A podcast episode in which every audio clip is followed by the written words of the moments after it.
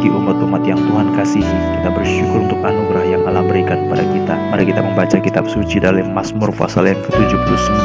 Mazmur pasal yang ke-79 kita akan mulai membaca ayat yang pertama sampai yang ke-13. Demikianlah firman Allah. Mazmur Asaf. Ya Allah, bangsa-bangsa lain telah masuk ke dalam tanah milikmu, menajiskan bait kudusmu, membuat Yerusalem menjadi timbunan puing. Mereka memberikan mayat hamba-hambamu sebagai makanan kepada burung-burung di udara, daging orang-orang yang kau kasihi kepada binatang-binatang liar di bumi. Mereka menumpahkan darah orang-orang itu seperti air sekeliling Yerusalem dan tidak ada yang menguburkan. Kami menjadi celah bagi tetangga-tetangga kami, menjadi olok-olok dan cemooh bagi orang-orang sekeliling kami. Berapa lama lagi, ya Tuhan, Engkau murka terus-menerus dan cemburumu berkobar-kobar seperti api? Tumpahkanlah amarahmu ke atas bangsa-bangsa yang tidak mengenal Engkau, ke atas kerajaan-kerajaan yang tidak menyerukan namamu, sebab mereka telah memakan habis Yakub dan tempat kediamannya mereka hancurkan. Janganlah perhitungkan kepada kami kesalahan nenek moyang kami. Kiranya rahmatmu segera menyongsong kami, sebab sudah sangat lemah kami. Tolonglah kami, ya Allah, penyelamat kami, demi kemuliaan namamu, lepaskanlah kami dan ampunilah dosa kami oleh karena namamu. Mengapa bangsa-bangsa lain boleh berkata, di mana Allah mereka? Biarlah di hadapan kami bangsa-bangsa lain mengetahui pembalasan atas darah yang tertumpah dari hamba-hambamu. Biarlah sampai ke hadapanmu keluhan orang tahanan sesuai dengan kebesaran lenganmu. Biarkanlah hidup orang-orang yang ditentukan untuk mati dibunuh dan balikkanlah ke atas pangkuan tetangga kami tujuh kali lipat celah yang telah didatangkan kepadamu, ya Tuhan. Maka kami ini umatmu dan kawanan domba gembalaanmu akan bersyukur kepadamu untuk selama-lamanya dan akan memberitakan puji-pujian untukmu turun-temurun. Sampai di sini pembacaan kitab suci. Umat-umat yang Tuhan kasihi, sambil kita membayangkan, merenungkan Mazmur pasal 79, kita juga mengingat apa yang terjadi dalam Mazmur pasal 78.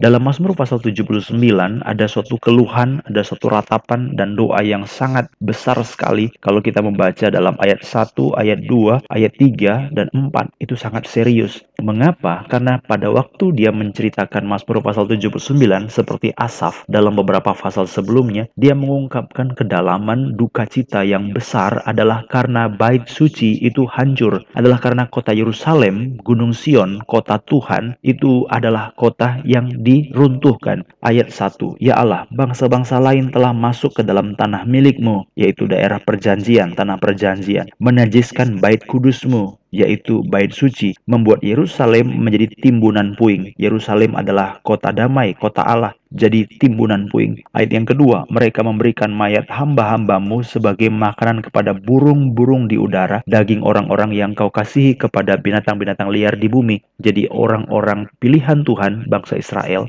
bangsa Yehuda khususnya, itu adalah orang yang dibiarkan mati, dibunuh, dibantai, tidak mendapat penguburan yang layak, tanah itu ditinggalkan menjadi terlantar, sehingga bangkai-bangkai mereka, mayat mereka berhamparan di mana-mana tempat dan menjadi sesuatu yang makanan binatang liar burung gagak, dan seterusnya. Itu yang terjadi. Ayat yang ketiga, mereka menumpahkan darah orang seperti air. Sekeliling Yerusalem, tidak ada yang menguburkan. Ayat empat, kami menjadi celah bagi tetangga-tetangga kami. Bangsa-bangsa yang bukan Israel melihat, lihatlah bangsa Israel, bangsa katanya pilihan Allah, tetapi mereka tragis, tragedi dalam kehidupan mereka. Saudara dikasih Tuhan, jadi waktu ini terjadi, ini merupakan suatu ratapan, suatu keadaan pencetusan daripada perasaan yang diungkapkan Asaf kepada Allah menjadi pelajaran bagi kita. Kalau kita merenungkan dalam Mazmur pasal 78, membayangkan dan mengingat kembali apa yang terjadi. Kenapa Tuhan menolak Yusuf? Kenapa Tuhan menolak kemah Yusuf? Kenapa Tuhan membuang Israel? Karena mereka tidak setia jiwanya kepada Allah. Mereka tidak mengingat merenungkan perbuatan-perbuatan Allah. Mereka tidak mengindahkan ajaran dan perintah-perintah hukum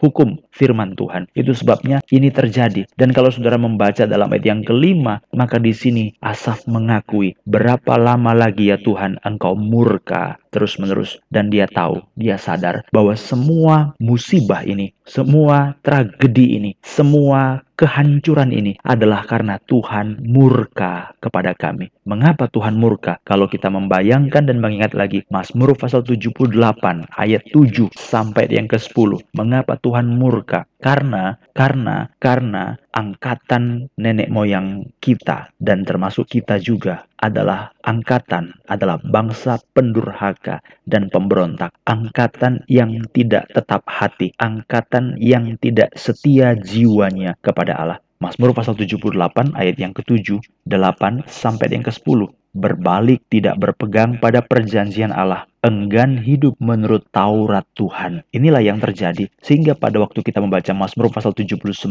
ada dua bagian yang menjadi sentral yang kita renungkan pada pagi hari ini. Yang pertama dalam ayat yang kelima. Jadi waktu dia membicarakan tentang kehancuran, dia membicarakan tentang celah yang mereka alami, mereka sadar bahwa ini adalah akibat Tuhan murka. Mazmur pasal 79 ayat yang kelima. Setelah dia berbicara tentang kehancuran yang diakibatkan bangsa-bangsa, bangsa-bangsa yang telah menghinakan mereka, dia sadar. Mazmur 79 ayat yang kelima, Tuhan, engkau murka. Lalu diulang lagi kesadaran itu dalam ayat yang ke-8 dan ayat yang ke-9. Jadi setelah dia berbicara tentang bangsa-bangsa, dia sadar. 79 ayat 5. Lalu dia ceritakan lagi kiranya bangsa-bangsa itu akan mendapat akibat. Lalu dia cerita lagi sadar. Ayat yang ke-8, ayat yang ke-9.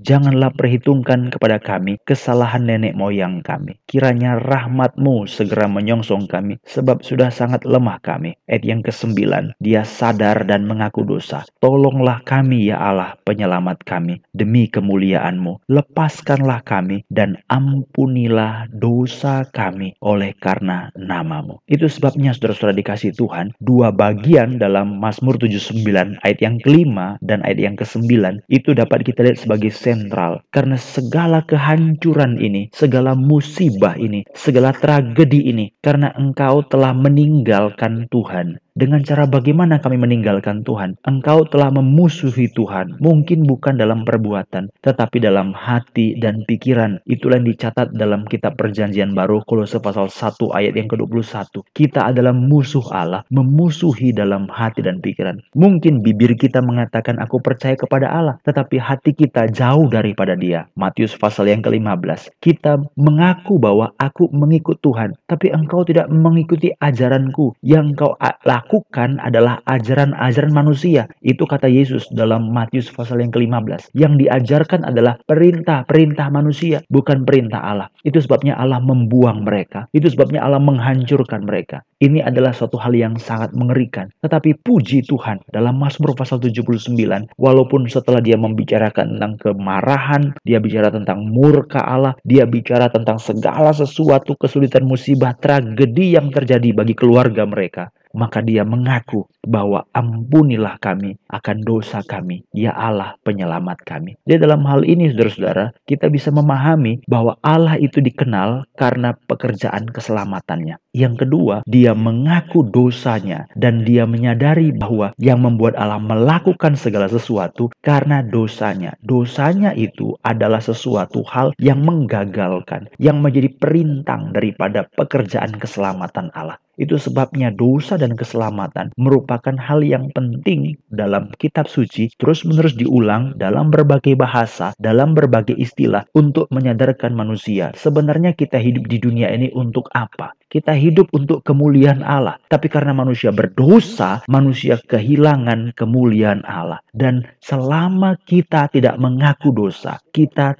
tidak menerima kemuliaan Allah, maka kita memusuhi Allah. Kita perlu, kita perlu diselamatkan. Waktu kita diselamatkan, kita dikembalikan lagi kepada kemuliaan Allah. Waktu kita diselamatkan, dosa diampuni, kita dibawa lagi kepada kemuliaan Allah. Itu sebabnya saudara-saudara dikasih Tuhan. Dalam Mazmur pasal 79 selalu ada doa untuk membalaskan murka Tuhan atau membalaskan perbuatan bangsa-bangsa itu menjadi sesuatu senjata makan Tuhan. Waktu bangsa-bangsa lain menghina kami, mencela kami, pada akhirnya bangsa-bangsa itu akan dihajar, akan dihukum oleh Tuhan. Kapan? Kapan Asaf boleh mengucapkan doa itu? Setelah dia menyadari bahwa dia telah berdosa kepada Tuhan. Jadi kalau saudara baca, setelah dia sadar dalam ayat yang kelima, baru ayat 6, ayat 7, dia berkata, tumpahkanlah amarahmu kepada bangsa-bangsa lain Jadi setelah dia sadar bahwa dia berdosa, baru dia boleh berhak untuk meminta keadilan Tuhan. Demikian halnya dengan ayat yang ke-9.